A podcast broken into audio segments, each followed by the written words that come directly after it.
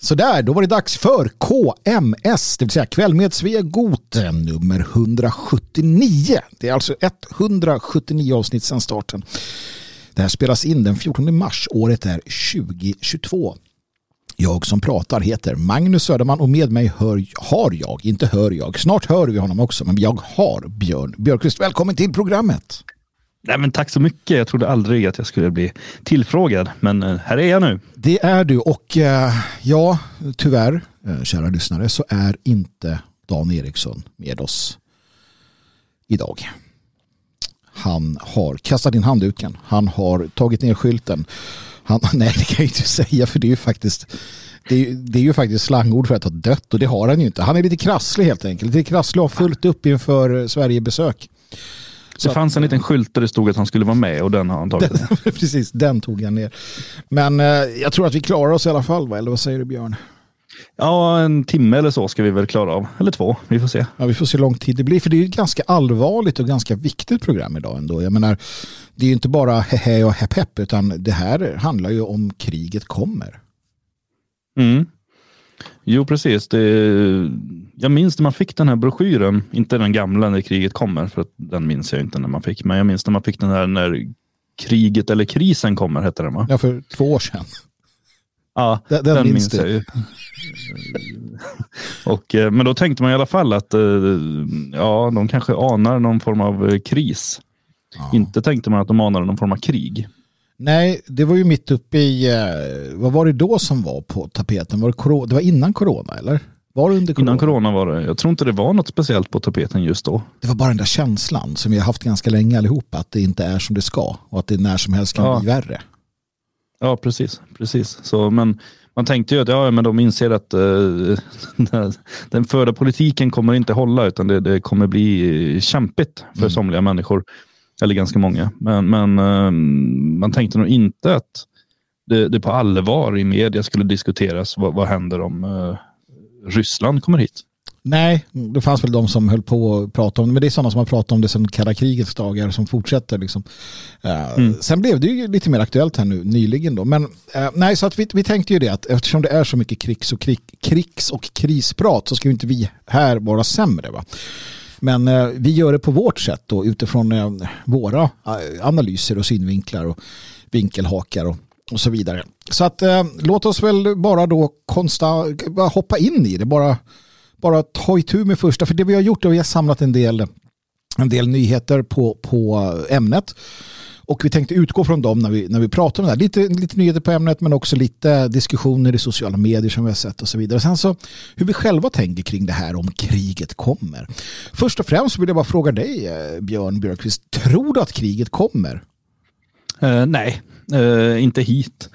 Jag, det, det, förs, eller ja, det, det är ju ett krig i Europa. Det kan man inte komma ifrån. Men jag har väldigt svårt att se att det skulle, skulle smitta hit. Men man vet ju aldrig. Alltså vi, vi har, jag tycker många politiker har hanterat det här väldigt, väldigt konstigt. Mm. Eh, så skulle, skulle det bli ett krig så, så är det ju helt och hållet deras eh, på grund av deras eh, hantering av det här. Men eh, nej, jag är ändå ganska tveksam till att eh, det skulle bli så. Mm.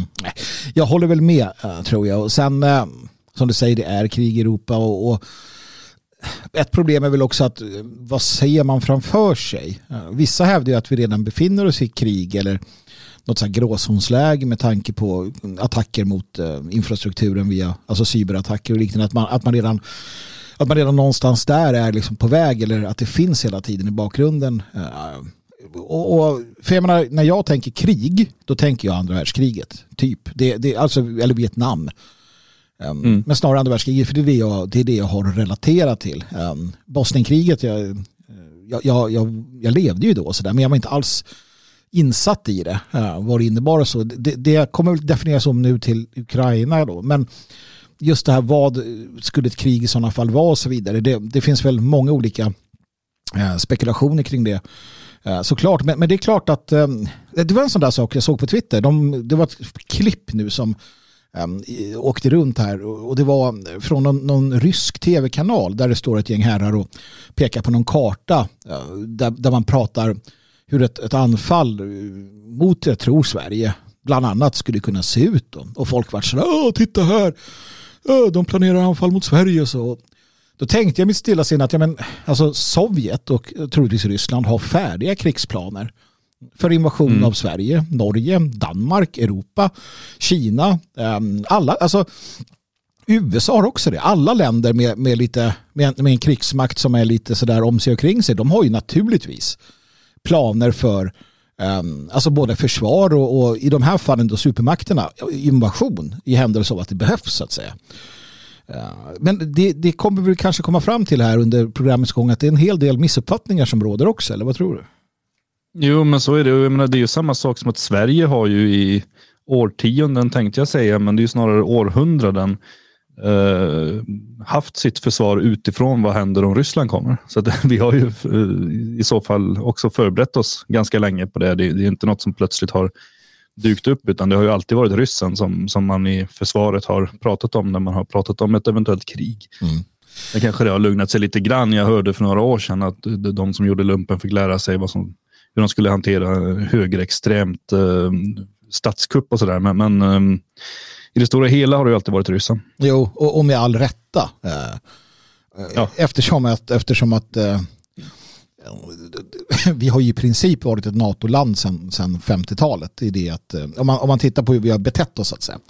Eller de ja, och sen finns det ju inga andra makter direkt runt omkring heller. Alltså det, det är ju ganska osannolikt att Danmark skulle angripa oss. Ja, de slutar med det. Alltså, vi hade ju ett, ett, en, en, en, ganska lång historia av sådär. Eh, jag, mm. jag för min del förutsätter att eh, eh, överkommandot, krigsstaben eller vad de nu heter för coola saker, att de har en, en anfallsplan uppdaterad mot Danmark.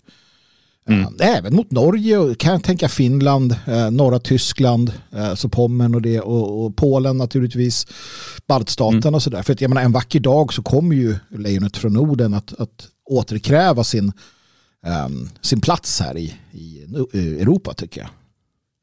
Ja, jag, jag, jag, är inte riktigt av samma uppfattning där, men, ja, det... men jag respekterar din åsikt. ja, precis. Det är lika bra. Nej, uh, jag tror ju dock att det kan bli lite problematiskt. För att um, vi, vi tittar på första, första nyheten här som jag hittade på, på frågan. Och det, det är då Sifo här har gjort en, uh, har gjort en, en undersökning angående hur svenska folket tror alltså hur strid, man kan säga så här, man har gjort en undersökning på hur stridsmoralen ser ut för tillfället. Mm. Uh, uh, för man har frågat svenskarna då hur man tror att Försvarsmakten skulle kunna försvara landet vid ett väpnat anfall.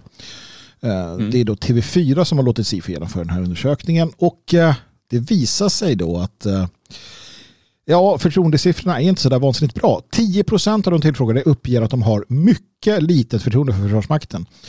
Uh, medans ni, mycket eller lite? Uh, de var mycket lite. Alltså mycket ja. lite. Väldigt, alltså, okay, väldigt, väldigt, lite. Ja, jag läser på, på Samnytt här. Mycket lite citat faktiskt. Så att det är nog så som det står. Ja. Uh, ja, li, alltså väldigt litet förtroende för Försvarsmaktens förmåga att försvara Sverige. 9 procent bara har mycket stort förtroende. Ja. och det är då 6% som säger sig vara osäkra. Jag har inte alla siffrorna, men det, det, det, det räcker någonstans där. Va? Mm. Det faktum då att eh, hälften av alla svenskar saknar förtroende för Försvarsmakten. Hur är ditt förtroende för Försvarsmakten om vi börjar där?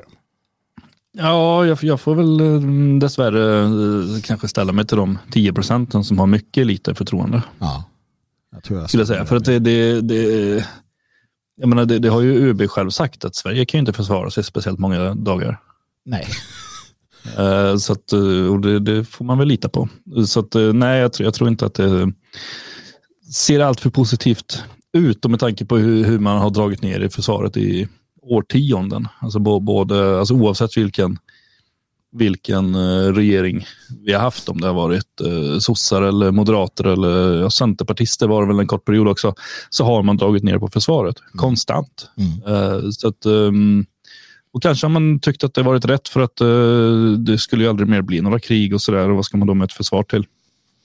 Samtidigt som man har stått och sagt att uh, det där sa man innan första och andra världskriget. Men sen stod man där lurad och så har man dragit ner på försvaret för att nu skulle det vara slut. Alltså, vet att efter första världskriget då gjorde man ju en sån här, neddragning.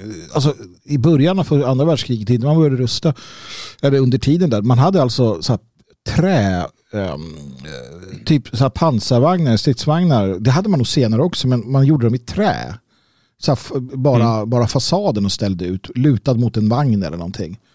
Uh, mm. Så att det skulle se ut på håll som att det var stridsvagnar. Mm. Det var inte helt bra då heller. Och det som du säger, det där förvånar mig hela tiden att man eller återigen, det är så att man kanske tror att politiker och sånt är liksom speciella på något sätt. För här sitter man själv då, jag tror att lyssnarna känner igen sig, man har suttit sedan man var 15-16 och så här, men alltså vadå, vi, vi rustade ju ner efter första och efter andra och nu gör vi det igen. Liksom. Varför, varför håller vi på att rusta ner hela tiden? Mm. Man tycker att det borde vara självklart att, att bibehålla en, en liksom omfattande försvarsförmåga ändå, men nej. Nej, man inbillar sig, eller man, men politiker, etablissemanget och de har väl förvisso haft folket med sig också. Att det är väl bättre att lägga pengar på saker som behövs precis just nu i detta nu eh, än att satsa på försvaret som kanske någon gång i framtiden kan behövas. Men, men, men det är väldigt konstigt eh, att man inte överhuvudtaget kan lära av historien. Annars så, jag hamnade i, jag hamnade i en diskussion med en, en person eh, för att jag sa, jag, jag menade att i sammanhanget då, att, att alltså, nej jag, jag håller med, jag har inte heller något förtroende för Försvarsmakten. Eh, deras förmåga att över tid kunna ehm, så att säga stå emot. Just för, som du sa, för att ÖB själv sa att det tar några dagar, sen är det kört.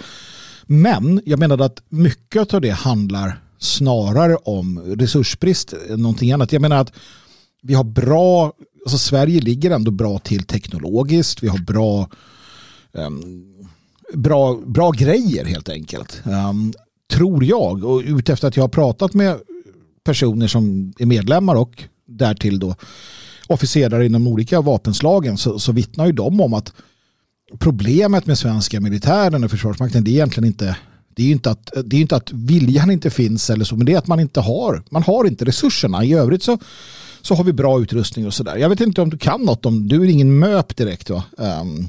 Nej, nej, det kan man inte påstå. Men, men jag tänker mig någonstans också att även om vi så att säga, jag tror att man kan försvara ett land ganska långt även utan en väldigt stark militär om det finns en försvarsvilja hos folket. Mm.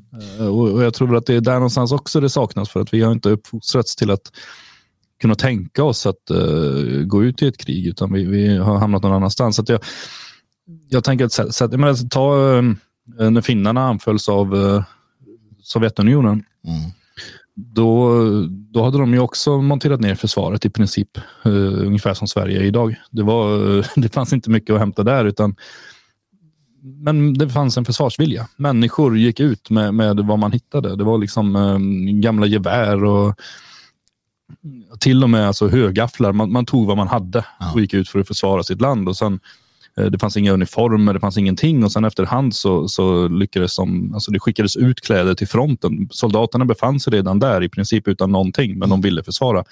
Den försvarsviljan, eh, finns bara den, då, då kommer man långt även utan ett starkt försvar.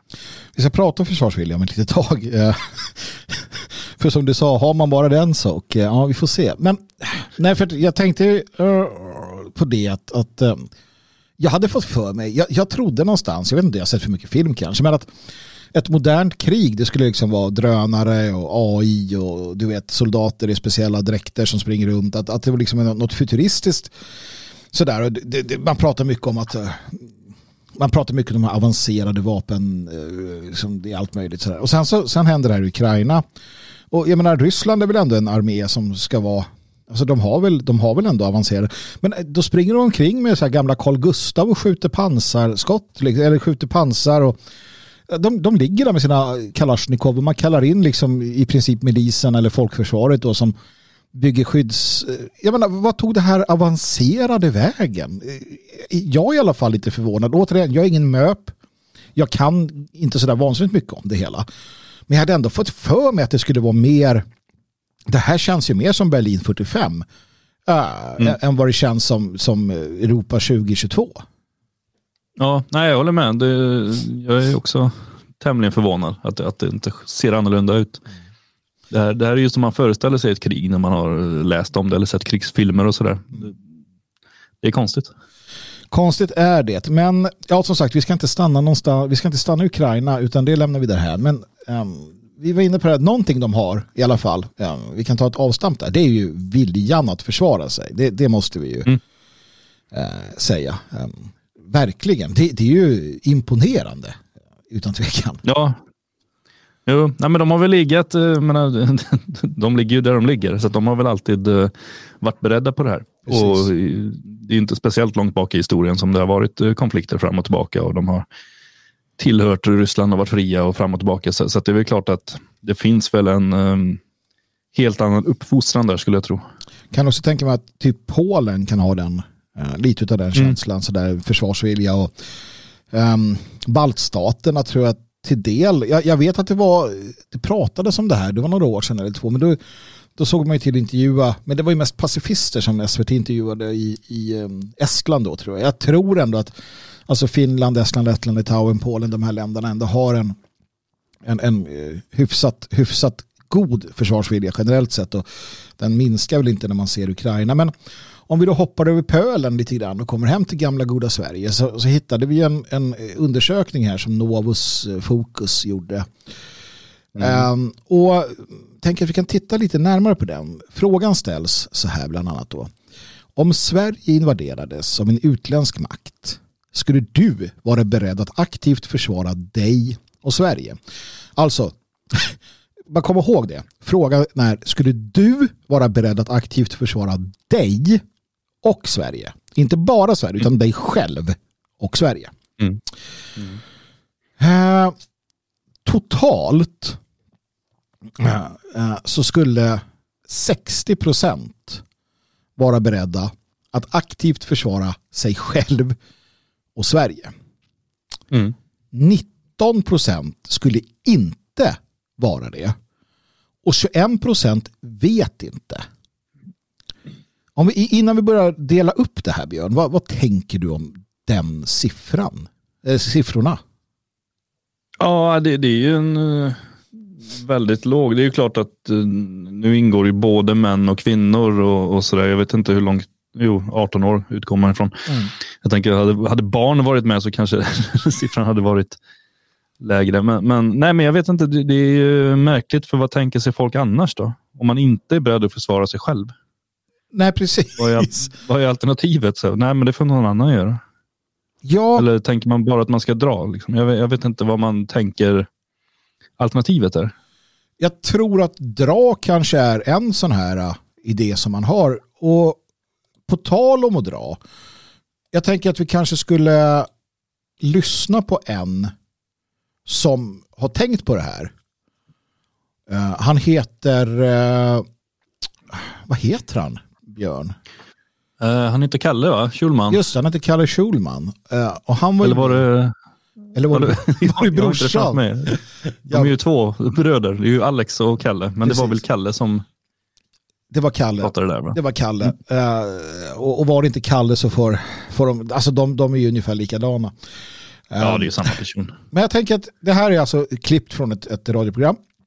Uh, och det är klippt kan vi säga för, för transparensens skull. Det här har florerat på, på Twitter och det är inte helt, det är liksom, ja, det han säger är klippt men det är fortfarande andemeningen är, är ganska tydlig. Så, uh, så här låter det då. Vi, vi lyssnar på det här så pratar vi om det efteråt känner nu, när man ser de här ukrainska papporna som lämnar familjen med gränsen och åker tillbaka. Jag, jag vet inte fan om jag har det i mig. Men det, det här med att liksom, uh, stanna kvar och ändå, inte, och ändå stå upp, det kan inte fly. Till, slut så kanske det, till slut kanske det kommer dit där du är. Stå upp för vad? Landet, naturen, värderingar. Det finns saker. massa andra länder och, och, värderingar som är bättre än våra. Nej, vet du, jag, här kommer jag få massa skit för att man inte är uh, uh, ska vi slåss. Men det är en bra kontrast. Och så blir det också ett tryck på snubbar tror jag framförallt mm. att vara extra så här, jag har preppat, jag, har, jag, mm. jag, jag går ner i hemvärnet, jag har köpt kängor liksom. Lägg av, det blir en pojkdröm utav det där. För det som jag har känt att det har varit lite så socialt, en social grej som man för sig med att så här, ja, om krig kommer, då, då drar jag. Vad fan ska jag, du vet, att, man, mm. att det är så förknippat med nationalitet nationalitet, nationalism att uh, välja att stanna ja. och kriga och då vill man liksom inte Bra vara en del spaning. av det. Jag, är inte, jag är ingen jävla rasist. Jag tänker dra. Känner nu, när man ser de här ukrainska Ja, som jag började den om. Uh, Mm. det finns ju en hel del här man skulle kunna uh, ta itu med. Jag, jag, bara tänker, jag vill bara säga det där sista, jag är inte rasist, höhö. Alltså, jag tar det som ett skämt. Ja.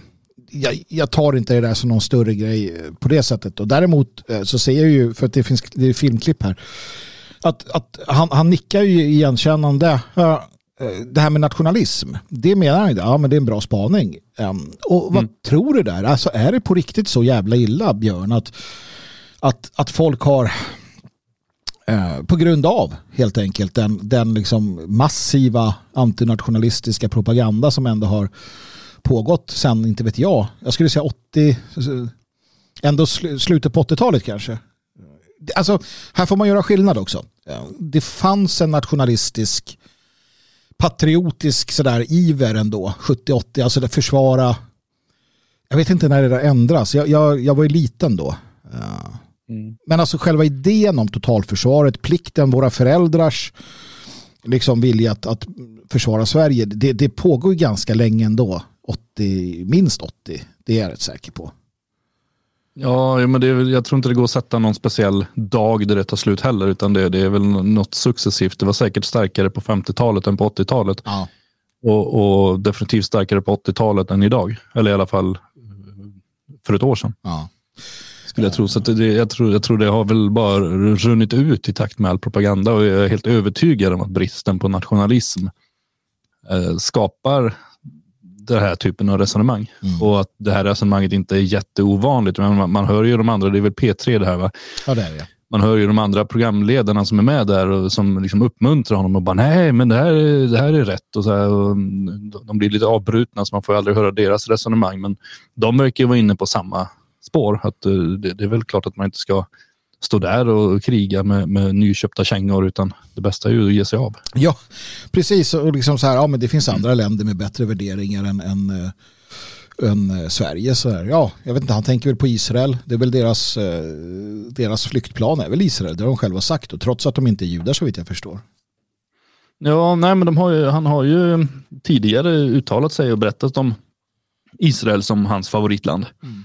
Uh, hans pappa Allan Schulman uh, ligger ju bakom att de här två bröderna har blivit uh, kända och populära. Han var en av pionjärerna i Sveriges Television när det startade upp. Och, um, ja, på, det, på, det, på den vägen har de ju fått ett stort kontaktnät och sådär. Men han var också brinnande Israelvän. släkten den här släkten Schulman, som inte är släkt med, med eh, vad heter han, Schulman som eh, huserar i Skåne, ja, som är jiddisch-professor. Mm. Eh, Salomon Schulman. De är ju inte släkt, utan den här släkten härstammar, det är en finlandssvensk släkt som av någon anledning har fått samma namn. Mm. Uh, och det är väl ett tyskt namn då, alltså Schule som skola och inte Schul som synagoga. Ja, ja. Uh, men han har ju alltid varit brinnande Israelvän och, och höll på, jag tror det var Kalle som berättade i någon intervju att hans pappa höll på alltså och letade och släktforskade och höll på för att hitta judiska släktingar för han ville så gärna vara jude. Mm. Uh, men lyckades aldrig. Men däremot så blev han chefredaktör då för Menora som ges ut av samfundet Sverige-Israel eller något liknande. Någon mm. Israelförening i alla fall. Eh, och det fick han inte betalt för som den goj han var, utan han jobbade gratis. Däremot så fick han en gång om året en resa till Israel.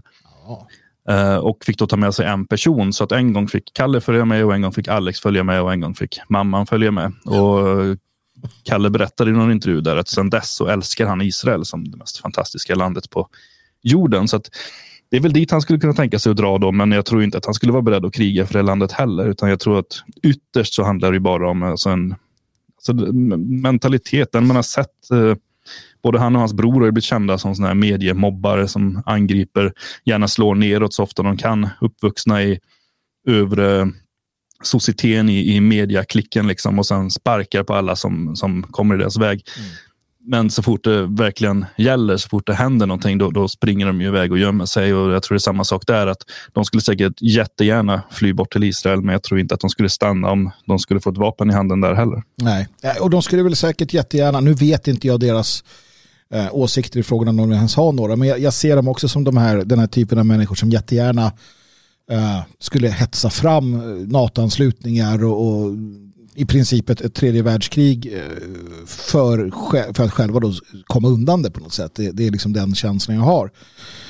Uh, till skillnad mm. från, från vissa andra uh, som, som hetsar om NATO-anslutning och allt möjligt som jag tror ändå skulle stanna kvar och, och göra sitt jobb så att säga. Så att det finns nog lika på, det, på den fronten mm. också. Men uh, nej, sen, sen, tänker jag att förutom den här antinationella idén så, så är det ju också en, en, Eh, en, en kön, genus, genusfråga. Jag tror fan jag använder det begreppet eh, i, i kontexten här. Det är en genusfråga.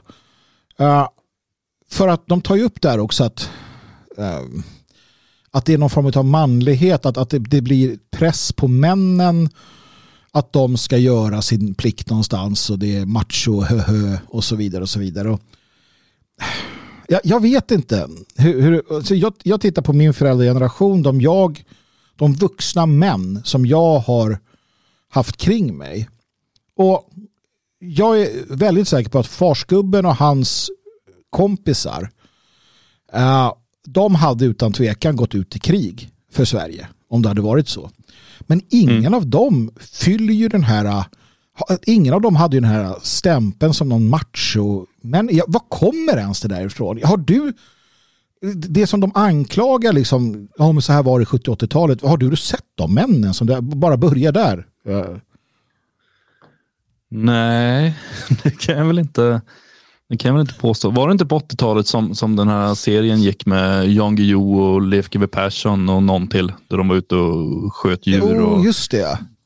var macho. Men det var väl liksom, det var väl de tre då. Ja, och de gjorde inte särskilt, alltså det var ju ganska sådär, ja jag vet inte.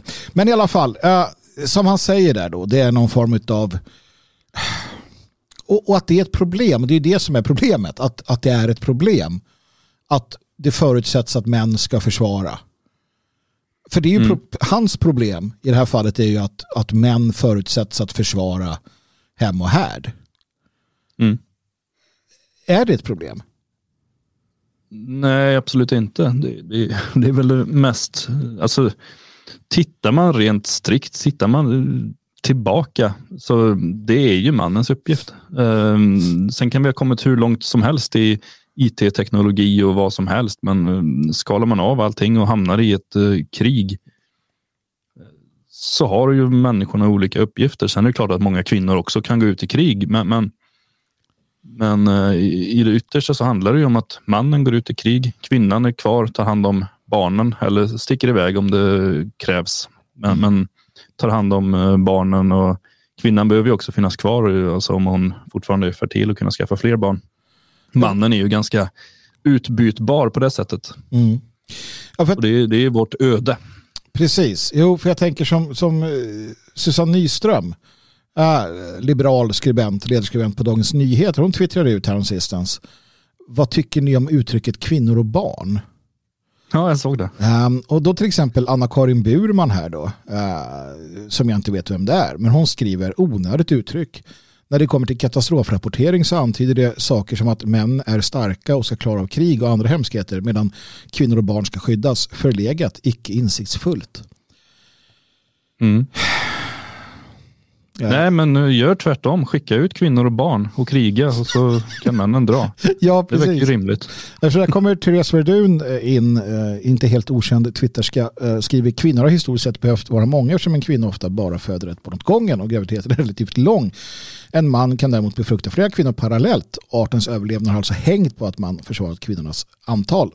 Läs på mm. lite. Och det är helt sant. Alltså män är på ett helt annat sätt en förbrukningsvara. Ja. Och så är det. Alltså, det är inget konstigt och det är det här att det har blivit, vi, har, vi har vänt oss så långt ifrån det liksom naturliga och självklara att, att det, liksom blivit, det har blivit problematiskt att konstatera det mest enkla, men är en förbrukningsvara. Uh, för, det, det, för den skulle vi inte odugliga eller värdelösa eller förtjänar inte liksom Uh, någonting. Utan det är bara att konstatera att i de här speciella situationerna så är det definitivt så. För vad, vad, vad menar sann Nyström då? Ska vi skicka fram henne? Det kan, alltså jag har inga problem att skicka henne till fronten. Nej, det gör jag gärna. uh, men vi kan ju också konstatera då att eh, om Sverige invaderas av utländsk makt så skulle du vara beredd att aktivt försvara dig i Sverige. Bland kvinnor så är 45 procent beredda att försvara sig själv och Sverige. Uh, mm. 27 procent säger nej rakt av och 28 procent säger vet ej. Jag har inga problem med de siffrorna.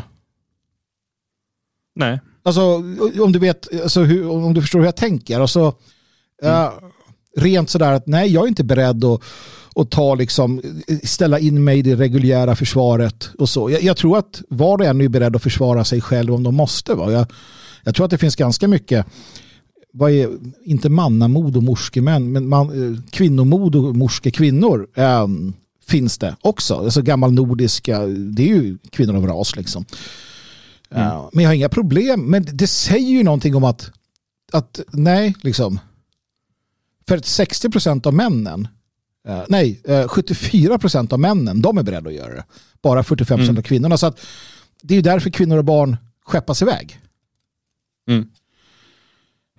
Jo, och sen är det ju, man kommer ju inte ifrån det faktum också att man generellt sett är starkare och alltså du klarar de fysiska utmaningarna på ett eh, annat sätt än vad kvinnor gör och vad, ja, barn finns ju massa andra anledningar till att de inte ska vara ute och kriga. Men det är, mm, och varför det har blivit så. Jag menar, någon gång från början så var vi ju små celler och så vidare. Eh, eller så ja, vi kan köra gudvarianten med, men vi har ju skapats i alla fall till, till eh, eh, starkare eh, av en anledning och det är väl för att vi är utbytbara. Skicka iväg de starka, låt dem slåss, eh, offra ett gäng, men fortlevnaden kommer bestå. Man, det, det, kritiseras ju ofta i, alltså att islam till exempel har att de får gifta sig med många fruar och sådär. Och det där härstammar ju egentligen ifrån tider när det var mycket krig och sådär. Mm. Männen var betydligt färre och då blev det rimligt att en man fick ta hand om flera kvinnor. Ja.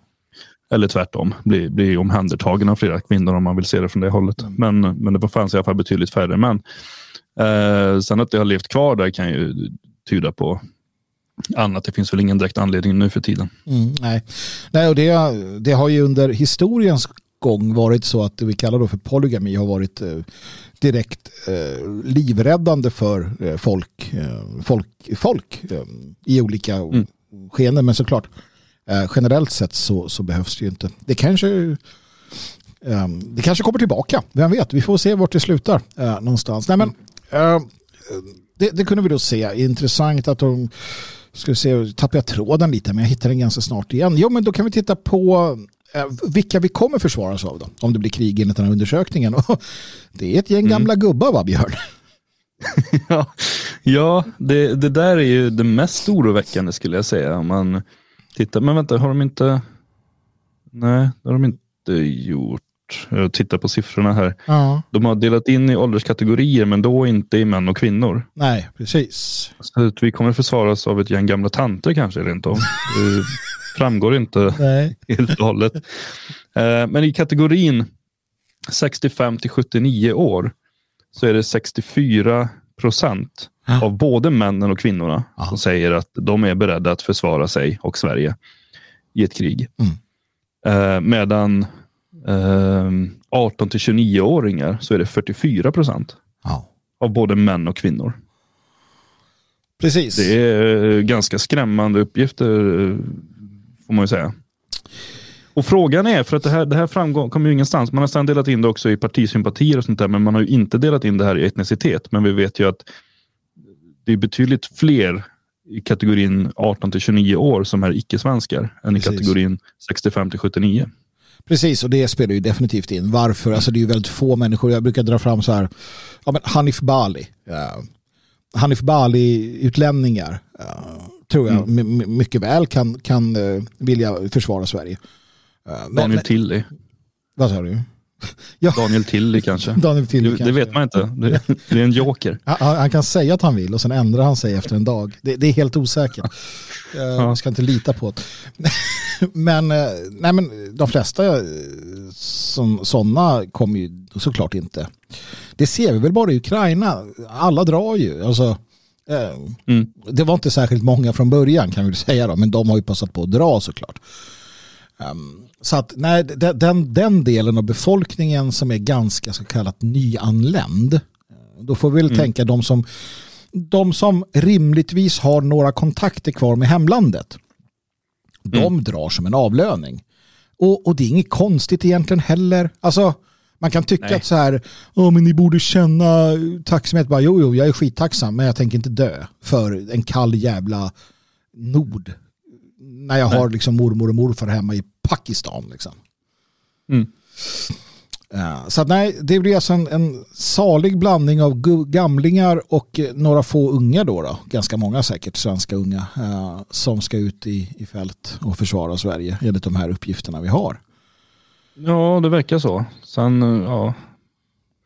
Ja, nej jag vet inte, för siffrorna är ju så pass skrämmande med 44 procent i, den yngsta kategorin. Eh, så det är ju inte bara, vi kan inte bara skylla på invandrare heller, utan Nej. det är ju någonting med hela generationen. Det är ju eh, ja, mentaliteten på något sätt som säger att man ska inte behöva anstränga sig, utan eh, kriga kan man göra genom att lägga ut flaggor på Facebook eller säga någonting på, på YouTube. Men man ska inte behöva stå med vapen i hand och försvara sig. Nej, Nej och, och på det ämnet, eller på det, um, på det, så här tänker jag.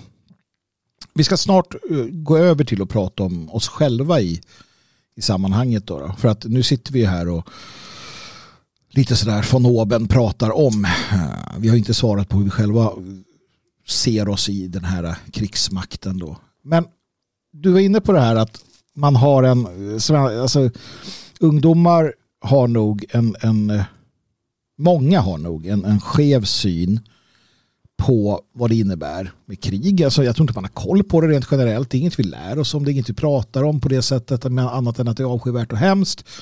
Eh, generellt antivåld, våld löser inga problem. Och det där är också härligt, vi har liksom marinerat nu i, i årtionden och så här, våld är inget bra, det löser inga problem. Och sen kommer Putin och bara, våld löser alla mina problem. Eh, och så här, va? Jaha, oj då. Ehm, så att det finns ju många aspekter av det. Men, men som du säger då, de tänker nog som Schulman och så att nej men jag drar väl helt enkelt. Jag, jag flyr liksom. Ehm, jag tror inte man har tänkt igenom det heller riktigt, för det är ju inte bara att dra. Uh, vart ska du dra? Eh, Norge eller? Liksom, hej hej, nu är jag här. Ska du liksom...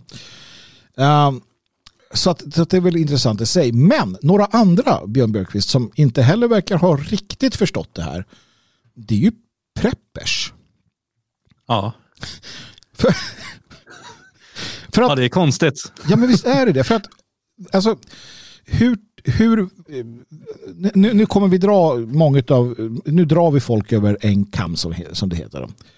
Men det får man göra när det inte är folkgrupper. Precis, och det, det måste vi också göra för resonemangets skull. Men hur skulle du säga att preppers utifrån din djupa eh, kunskap genom att följa olika forum eller liknande eller vad vi nu ska säga. Eh, hur, hur tänker preppers i detta nu kring det här som händer i världen och, och vad som händer om Sverige invaderas?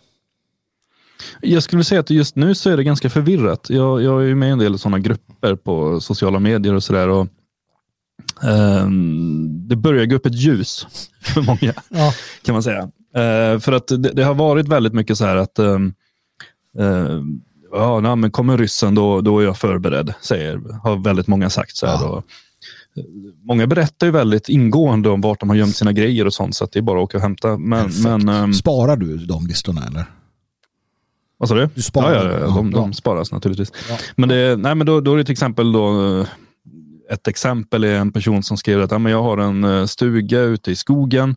Eh, där kommer det liksom inte bli några krig för det finns ingen anledning att bomba där och att det ska springa runt soldater. Så att jag åker dit och där har jag förberett med eh, ja, det ena och det andra. Det finns vattendunkar och det finns konserver och det finns yxor och knivar och allt man kan behöva. Mm, Skönt. Eh, rep, mycket rep ska det vara och toalettpapper. Eh, men, och sen var det ju någon annan då som, på, jag är inte aktiv i de här grupperna, jag, jag läser dem bara, men då var det en som ehm, skrev att eh, ja, men du förstår väl att om det blir krig så kan inte du sitta i din stuga utan då blir du inkallad. Och, och det, det, det blev som en chock för den här personen, en, en man. Just Att, det. vad, vadå? Så, Det, det kan väl inte krävas? Menar, nu har han ju förberett sig hela livet här med den här stugan och tag- tagit dit alla sina grejer och sådär. Att, att att eh, vårt fria samhälle skulle tvinga ut honom i krig. Mm. Det, han har fortfarande inte riktigt svalt det här. Eh, men det har blivit eh, livliga diskussioner på många platser nu där man diskuterar kring det här. Och, eh, Eh, där det börjar lite grann gå upp ett ljus för många att eh, ja, blir det krig så kanske det inte alls är att sitta och gotta sig där de har gömt undan saker utan det, det kan ju rent av och, och, en del planerar ju då att ja, men då blir det ju flykt istället. Antingen flykt ut till just sin stuga eller en annan plats man har förberett eller bara lämna landet för att det där har de ju inte räknat med. Det har inte ingått i de här planerna utan tanken har ju bara varit att blir det kris eller krig så klarar man sig och har det ganska bra. Mm. Nej, och, och, här, här ser vi ju faktiskt ett, ett, ett eh, fatalt misstag eh, som de då kan ha gjort. Uh, å ena sidan men också då mentaliteten. Då visar det sig att de här var ju inte ett dugg, uh, ett dugg bättre än uh, Alex och, och Kalle Schulman. för att deras nej, plan nej, det, det var att det överleva. är ju samma resonemang. Ja, stuga i skogen, överge folket, överge samhället, flytta till sin stuga i skogen. Är det som sagt lämna landet då. Så att det intressanta mm. här tycker jag, det är ju att, att titta på då, um, alltså eller så här, det de har gjort, det är ju sig för någon, någon form av sådär apokalyptisk Mad Max situation där saker bara faller samman och sen ska de bara sitta där och liksom, eller så här viruset viruset. Ja men det är ju zombie-apokalyps ja. liksom. Och jag vet inte ärligt talat liksom är det bättre att blåsa huvudet av sig eller sitta i någon jävla stuga resten av sitt liv och få någon jävla bryta benet och ligga där i skogen och tyna bort. Någonstans, jag förstår liksom inte själva den här, äh, ja men jag har en bunker djupt ner i, sko i berg, jaha, och du, vad? Alltså, äh, man, man, kan säkert ha olika inställningar, det är väl det vi har antagligen och de har den. Jag tänker mer personligen på så här, okej okay, hur kan jag få hur kan vi här, där vi bor i Elgarås då, civilsamhället, hur kan vi gå in, hur kan vi stötta varandra, hur kan vi ha en dräglig tillvaro oavsett kriser och, och vad som än händer. Men det, tanken på att så här, vi drar in och, och gömmer oss i ett bergrum i 40 år, 30 år. Nej, för fan. Alltså, jag vill inte det. Då känns det som nej. att det liksom... Ja, nej, men jag tror väl att ganska många som har de här tankarna har väl också, de, de tänker väl inte 40 år utan ett halvår, Kanske. Och sen är samhället sen tillbaka. Drar, ja. Ja. Precis, för så här är det. Eh, blir det krig, eh, då kommer du som är eh, du som har en, en krigsplacering, du vet redan vad du ska göra.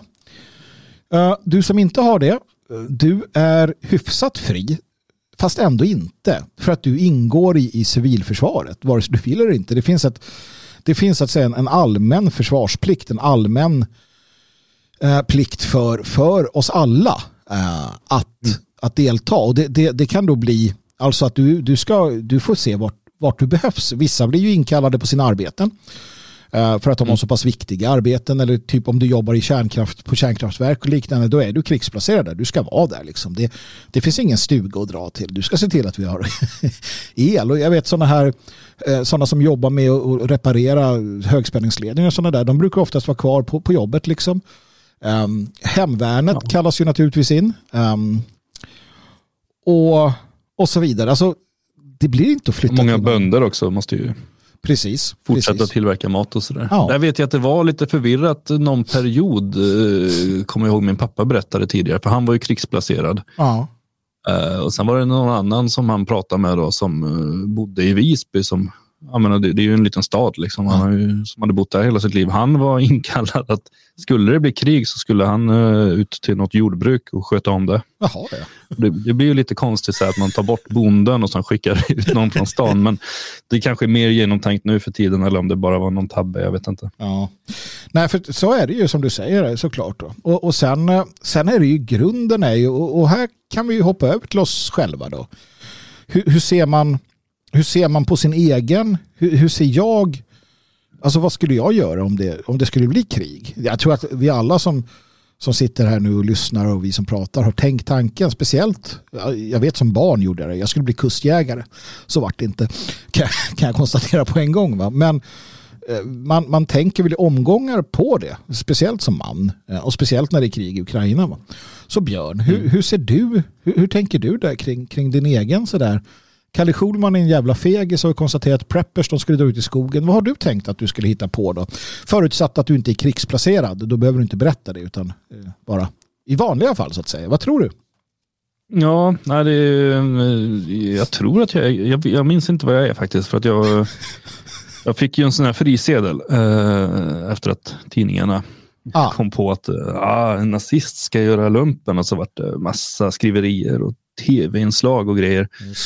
Eh, så jag fick en frisedel därifrån. Men jag tror att jag fortfarande är placerad utifall att det skulle bli krig. Men jag vet inte, jag minns inte var. Låt oss säga att du inte är krigsplacerad utan att, att du, ska, du är här och ja, det, det, kriget kommer. Vad, vad, vad tänker mm. du att du, vad tänker du att du skulle kunna bidra med? Uh, ett glatt humör uh, tänker jag väl. Nej, men jag tänker att jag skulle väl. Uh, jag är väl i första hand intresserad av att försvara min hembygd. Alltså mitt hus, mina vänners hus, min, min egen ort så att säga. Mm. för att jag känner ju ingen som helst lojalitet med regimen samtidigt som jag definitivt inte skulle känna någon lojalitet med en inkräktande regim heller. Eh, men eh, så, så att drar man ner det i slutändan så blir det ju ens egen hem och härd man vill försvara. Mm. Ja, man, man får är man lite... då inte krigsplacerad så, så finns det ingen anledning att sticka iväg till någon front och bara känna, känna, har ni någon plats för mig? Utan då är det bättre att förbereda sig och försöka prata ihop sig med andra och vara beredd om fienden skulle komma till ens egen by. Mm. Man, man, får ju se, naturligtvis skulle man ju se vad som, vad som behövs då. Jag, jag är ju inte heller krigsplacerad. Um, jag var inte heller välkommen i Försvarsmakten. Um, men uh, jag ser ju det som, som, som, som en roll i, i, det blir ju en roll i civilförsvaret. Alltså det, det är självklart på något sätt så här att, att man ska finnas till hands. Är man frisk och kry något sålunda och, och, och kan finnas där. Vad den handlar om. Närområdet naturligtvis framför allt. Jag menar, um, inte vet jag, fylla sandsäckar eller du vet såga av träd eller mm. uh, tjalla på fiendeframryckningar om man skulle ha den turen och se dem komma förbi. Jag skulle vilja göra sådana här ukrainska bönderna och, och sno en, en stridsvagn som ligger som står mm. någonstans på något fält och så här. Mm. Eller som sagt hoppa in i jordbruket eller ja, hålla moralen vid liv alltså, utifrån ens egna ja, ens egna liksom, eh, förutsättningar. Jag, jag, jag, önskar ju alltså, jag önskar ju att jag fick liksom Uh, att jag hade det som, som behövdes för att kunna ligga vid fronten och vara med där och bara liksom dö hjältedöden. Så pass romantiker är jag ändå. Men jag inser ju mm. också att jag är nog snarare till Uh, jag, jag, är ingen, jag är ingen, vad heter det, jag är ingen tillgång i, i, i, i stridande liksom på det sättet. Men däremot, absolut, skulle det liksom visa sig att det blir en sån där, skulle det bli en sån där situation som, som vi ser i Ukraina eller uh, som vi såg till exempel i andra världskriget, då är det så här, nej men alltså alla mellan 12 och 100, ni får ett vapen, ni får ett skott, ni ligger här och gör vad ni kan då är jag mm. med på det. För att jag, jag, svensk krigsdoktrin, det vill säga alla meddelanden om att motståndet har upphört är falska. Jag skriver under på den. Jag tycker det är den enda, det är den enda rätta, så att aldrig kapitulera. Aldrig kapitulera. Mm. Mm. Mm. Så att eh, då får man väl ligga där och, och, och liksom bli skjuten eller någonting. Men, men... Jo, nej, men jag, jag, tror ju någonstans att, att eh, det ett, ett försvar som består av eh, dels naturligtvis det vanliga försvaret och dels av hemvärnssoldater. Men sen även av eh, enstaka galningar som går samman och bara utan koll på vad man bör göra ja. bara härjar tror jag kan vara en total... Det är ju därför det är så farligt att liksom kriga mot de här arabstaterna för att det bor så mycket galningar där. Precis. Eh, som gör som de vill och det, det finns liksom inga krigsregler hos dem utan de hanterar utifrån stundens eh, ingivelse. Mm. Ja, men du har ju eh, partisankrigen alltså under andra världskriget. Och det är ju liksom mm. partisaner, du vet eh, männen i skogen i, i Baltikum. Ja, de här japanska tokarna ute på öarna som inte gav sig och liksom som du säger så här mannaförbund eller bara helt enkelt eh, jag, jag, bara tänker så här, något gammalt mc-gäng som bara vad fan liksom ja ja nu mm. gör vi det här då grabbar liksom som du säger, det, det ja. finns ingen ordning. Va? Mm. Um, och det, det, um, det, är nog inte så jävla kul att, att slåss mot det. Om, om, och det är den försvarsviljan som man vill se. Det vill säga att så här, hur många av svenska, svenskarna vill försvara sitt land? Ja, men skulle den ligga på 85 90 procent, då är vi ju hemma. Och att det är över åldersgrupper. Det vill säga att, tänk att, att, att du som fiende till och med måste frukta en 70-årig gubbe för den jäveln kanske har en molotov han kastar in i din trupptransport. Liksom.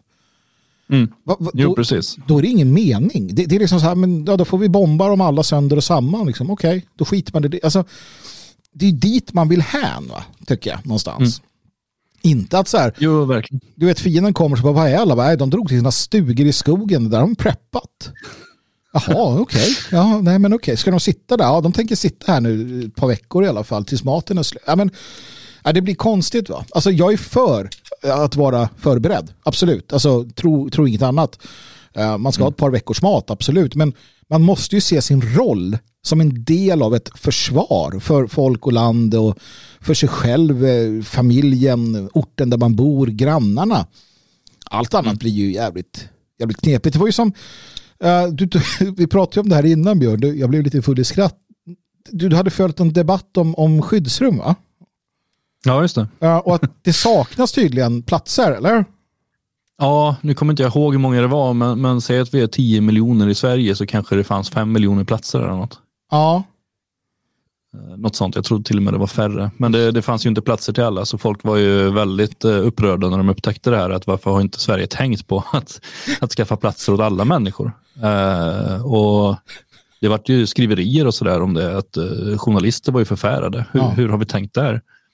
Uh, till, tills då man förklarade från statligt håll att, att uh, det är ju inte meningen att alla i ett krig ska sitta i ett skyddsrum, utan meningen är ju att väldigt många ska ju vara ute och försvara landet också. Just det, till exempel då män... Det är, inte svårt, det är inte svårt att ta över ett land där alla har gått ner i skyddsrum. Nej, och det är ju återigen här det blir så, som sagt, jag blev full i skratt, för det är så här, det är så pass krigsskadade vi är, och det är alltså krigsskadade för att vi inte har någon koll på det här längre alla, och jag tänkte ju också så när jag liksom så här, ja just det, vad fan, det saknas ju platser, hur ska, här får ju inte alla plats. Bara, nej just det, för alla ska inte vara där. Alltså, det, folk ska ju dö vid fronten, liksom, ja, det, det är ju det det handlar om i grund och botten. Liksom. Mm. Uh, så, så, att nej, det, det, det, kommer nog både räcka och bli över platser. Uh, tror jag. Det här... Ja, sen är det, det finns ju andra brister med skyddsrummen helt klart. Och det är ju återigen för att vi har varit så här äh, fredsskadade. Så att ingen har ju tänkt att de här behövs inte. Så att när det byggs nya hus och så, tidigare så fanns det ju en politik i det där att byggde man ett nytt hus, alltså ja. ett uh, flerfamiljshus eller ett område, då skulle det finnas ett antal platser. Det har man ju tagit bort sedan ja, ett par decennier tillbaka. Mm. Så att nu behöver man inte det längre, vilket gör att eh, det kanske finns något färre nu än, än vad det egentligen borde finnas. Mm. Men sen de som finns är ju väldigt ofta under all kritik. Det, jag har ju jobbat i flyttbranschen ett gäng år i, i Göteborg. Ja. Och då bland annat jobbat åt kommunen och varit i många av de här skyddsrummen som kommunen tillhandahåller. Och de kan jag säga att de är ju fulla med möbler. Eh, gamla möbler och en del har börjat mögla och så. Mm. Och skulle man eh, säg att det, det, blir ett anfall mot Sverige och man känner att vi måste få bort de här. Så ja, för oss som var liksom vana flyttgubbar med bilar och allting så skulle det säkert ta en vecka i alla fall att tömma de här rummen och sen mm. frågan vart man skulle göra av det. Eh, det är alltså riktigt, riktigt fullt och ibland fick man i princip sätta ihop saker så skulle man sen få ut dem så fick man ju stå riktigt länge och, och krångla och trixa och ha sig. Mm. Och det är ju det är vad jag själv har sett. Sen eh, finns det ju massa andra exempel på alltså i, i hyreshus. Då är det ju husägarna, alltså typ Akelius och sådana som är ansvariga för och då har det blivit cykelrum eller man har byggt om det till förråd. Det finns mm. eh, gymlokaler och, och, så vidare. Och bara plocka ut ett gym med alla maskiner gör man ju inte i en handvändning. Nej, det, det, det är väldigt mycket sånt. Sen, sen, vet jag inte, för jag, jag var iväg i en annan kommun och jobbade eh, bland de sista jobben jag gjorde innan jag eh, bytte till att vara här. Eh, och då var, träffade jag säkerhetsansvarig på den kommunen. Och vi satt och pratade lite grann och jag frågade om han hade mycket att göra eftersom att covid hade satt igång och så här. Och han bara, ja, det där med covid, det, det är inte så mycket mitt bord utan jag förbereder ju för kriget. Ja. Och jag bara, jaha, vilket krig? Så, ja, nej, men vi har, eh, vi har instruktioner uppifrån nu att alla kommuner ska förbereda sig på eh, krig. Så det är det vi håller på. Så, att vi, så att tydligen så börjar man för fyra, fem år sedan med att se över alla sådana här skyddsrum och, och liknande grejer och förbereda sig för ett eventuellt krig. Så att helt oförberedda verkar inte Sverige vara ändå. Nej, Nej man har väl följt uh, utvecklingen uh, åtminstone. Alltså, det finns ju kompetent folk. Det, det ska man ju inte, man ska ju inte liksom, ha allt för stor svartsyn där heller. Men det är på tok för lite, på tok för sent antagligen. Um, mm. Men, men, det är klart att man, man har tittat över det här och, och, så. Det kommer ju ta lite tid men, nej, men jag har generellt gott hopp om att det går att ordna. Men eh, alldeles oavsett, jag vet inte hur det ser ut där vi bor. Jag har inga planer på att jag har inte tänkt att jag skulle dra till något skyddsrum i vilket fall som helst. Va? Um, däremot så vet jag inte om jag skulle få information om att jag borde göra det. För att de hade ju den här Hesa Fredrik eh, eh, Hesa Fredrik-övningen här, förra, här för ett tag sedan. Jag hörde mm. inte någonting. Ja. Nej, och jag har tänkt på det tidigare också. Um, när, när det ska vara. Att, uh, jag har inte hört något, men jag har tänkt att vi kanske har tjocka väggar här i Svenskarnas hus, att man missar det. Men, uh, jag tänker om det är vi som har Fredrik på taket och jag inte har tänkt på det. Jag inte, liksom, det, är någon... det är vi som ska gå ut och starta den. Ja, det är någon sån kabel, kontakt vi har glömt stoppa i någonstans kanske.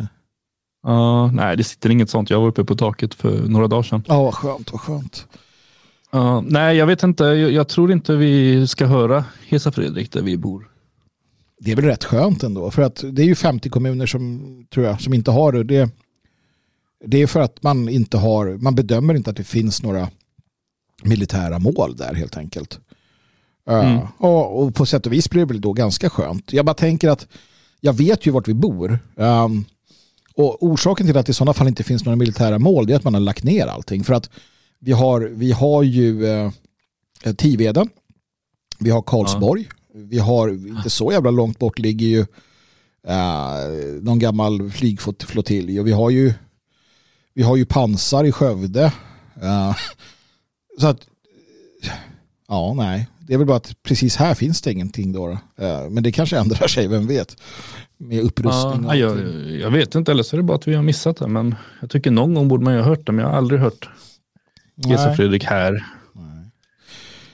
Det, vi bor ju inte jättelångt från Skövde där det ändå finns en, en uh, militär uh, ja, nu med, med de här orden också. Jag vet inte, det finns militärer i Skövde. Ja men det gör det ju. Det, gör det, ju. det har vi kunnat se. Det är ingenting de, det är inte så kära lyssnare att vi, vi dumpar försvarshemligheter här för att det är helt, helt öppet att det finns pansar i, i Skövde och militärer och, och liknande. Ja. Men däremot, det ska jag ta och tala om. Alltså, jag har ju en romantisk syn på det. Jag tycker man ska ha det. Um, jag, jag, önskar att fler hade det. Um, jag ska alldeles, alldeles snart förklara varför det är ett problem att vi inte har det. Eh, för krig är en del av mänskligheten, så är det bara. Du kommer aldrig undan det. Så det finns ingen mening med att, att så här, uh, skyla över det. Va? Men när jag växte upp, jag har ju pratat om det tidigare, jag var ju mycket ute i Roslagen, ute i Norrtälje, kustbandet. Uh, och där ska jag ta och berätta för dig. Där uh, kommer jag ihåg hur vi gick längs uh, strandkanterna och bergsknallarna och var ute med farsan och sådär. Så fanns det små röda gulliga stugor på de mest konstiga platserna. Och jag kunde aldrig mm. förstå det där riktigt. Så jag frågade pappa vad det var för någonting och då sa han att där har du kustartilleriet. Och där har du sambandscentraler och sådär. Och en gång gick förbi en där var öppet och var det en kanonjävel alltså under stugan. Mm. Ja, så att där har du ju allt. Och jag, då, då minns jag vad jag tyckte det var spännande. Va? Och Um, jag, jag, lekte ju själv krig, liksom att, att så här, ja, oh, ryssen kommer, landstigningar och så låg man där på någon bergsknalle och låtsades skjuta dem. Och, så. Jag hade ju en, um, och jag tror att det var inte helt ovanligt för pojkar um, på den tiden eller tidigare att ha den typen av, av fantasier och lekar. Eller vad, vad tänker du? du? Fan, du var ju på Gotland liksom. Hur gjorde ni ja. där? Uh, jag uh, och uh min bror och ibland någon granne och sådär. Vi, vi hade ju en stor stenhög som låg ganska strategiskt 100 meter från vägen. Så att där byggde vi vårt, e-, vår egen försvarsanläggning. Så jag grävde in ett stort djup och sen så satte vi ganska dålig, eh, lite rostig plåt. Så här. Vi hade nog inte överlevt det där, men, men, vi tänkte att där skulle vi sitta och skjuta om fienden kom. Ja. Uh, precis, och så är det ju inte riktigt idag. Jag, jag följde en annan diskussion på Twitter här. Um, och jag tror att det var försvarsanställda, bland annat i alla fall. Det, det började med att någon skrev att han hade uh, han hade, uh, hans dotter hade väl pratat med honom och sagt att eh, hon inte ville att pappa skulle um, så att säga då kämpa och dö. Liksom. Och han var officer tror jag och han sa det att hur, hur och så var det någon annan då som berättade att eh, barnet, det barnet hade också tyckt att det var jobbigt och så började de där prata om det och de, de visste inte, de här officerarna då, som det var i allt väsentligt. De sa, pratade om att hur ska vi hur ska vi förklara för våra barn vad vi, vad, vårt jobb och vad vi gör och varför. Det var någon som berättade att någon, någon 15-årig dotter eller son hade blivit ledsen. Och så här. Um, jag valde att inte gå in i det för jag känner bara att jag är så jävla klumpig. jag, vet inte, alltså, jag, har, jag har full förståelse för att, att idag så är man på ett visst sätt. Mm. Um, på grund av orsaker. Men jag tycker att det är fel. För att, ja, men lite som jag liksom skrev i anteckningen, soldater ska dö och barn ska vilja bli soldater. Ja. Uh, jag tycker att det är fullt rimligt, eller? Va? Ja, ja men det, det, det är det ju. För att det handlar ju ytterst sett om att försvara det egna. Jag menar, titta i mm, soldatinstruktionen som mm, är från början av 1900-talet. Det fria Sverige har tryckt upp en mm nyutgåva av den. Den förklarar ju allting vad det handlar om. Att det, det handlar om att försvara sitt folk. Eh, och det är ju det det i slutändan är. Eh, om ingen försvarar folket så dör det. Då försvinner det och utrotas. Eh, så så det, det, är mm, det som är grunden. Och kan man inte berätta det för sina barn, mm. att det handlar om att försvara sitt folk, eh, för att man har fastnat i massa eh, andra tankar och idéer. Ja, men det är värderingar och demokrati och bla bla bla. Saker som egentligen i det yttersta inte betyder någonting. Då blir det väldigt svårt att förklara för barnen och än mer när man har ett försvar som ser ut som det gör idag där den som blir försvarsanställd när som helst kan skickas iväg till ett krig i något annat land och dö för någonting helt annat. Mm. Uh, för att politikerna tycker det är häftigt att ha kontakter med, med höga gubbar i andra länder då, då, blir det ännu svårare att förklara att ja, men nu ska pappa åka iväg och kanske dö i Afghanistan. Varför då? Ja, varför då? Ja, nej, för det är ju helt orimligt. Eh, absolut, det, det håller jag med om. Eh, för att, nej, och, och, det är där jag känner så här, fan, vi behöver få tillbaka, och det, visst, det är också en, en syn på livet och döden. Vi har pratat om det tidigare, problemet med att att, ja, som vi såg under covid, då, att folket plötsligt blir medvetna om att de ska dö. De hade inte tänkt på det tidigare. Det är så här vi har förträngt det. Eh, speciellt en viss mm. generation som säger va?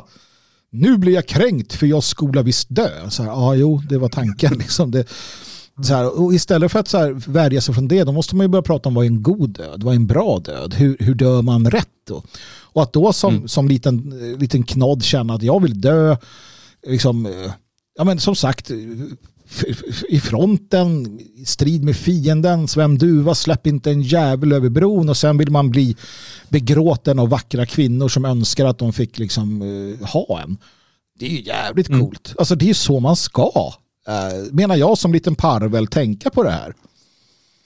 Um. Ja, eller ja, i alla fall att man Gick jag för långt nu? Man kanske inte ska önska att man dör, alltså, men man ska ju ändå ha viljan att försvara och vara beredd att dö. Och dör man så gör man det för någonting stort, för helheten. Ja. Ehm, men jag vet inte, det måste ju också då finnas en helhet att dö för. Precis. Det är väl det som, det, det är där allting har ramlat sönder. Jag, jag, jag vet de här, vad heter de, eh, poddarna, Malcolm och Marcus heter de. Ja, just det.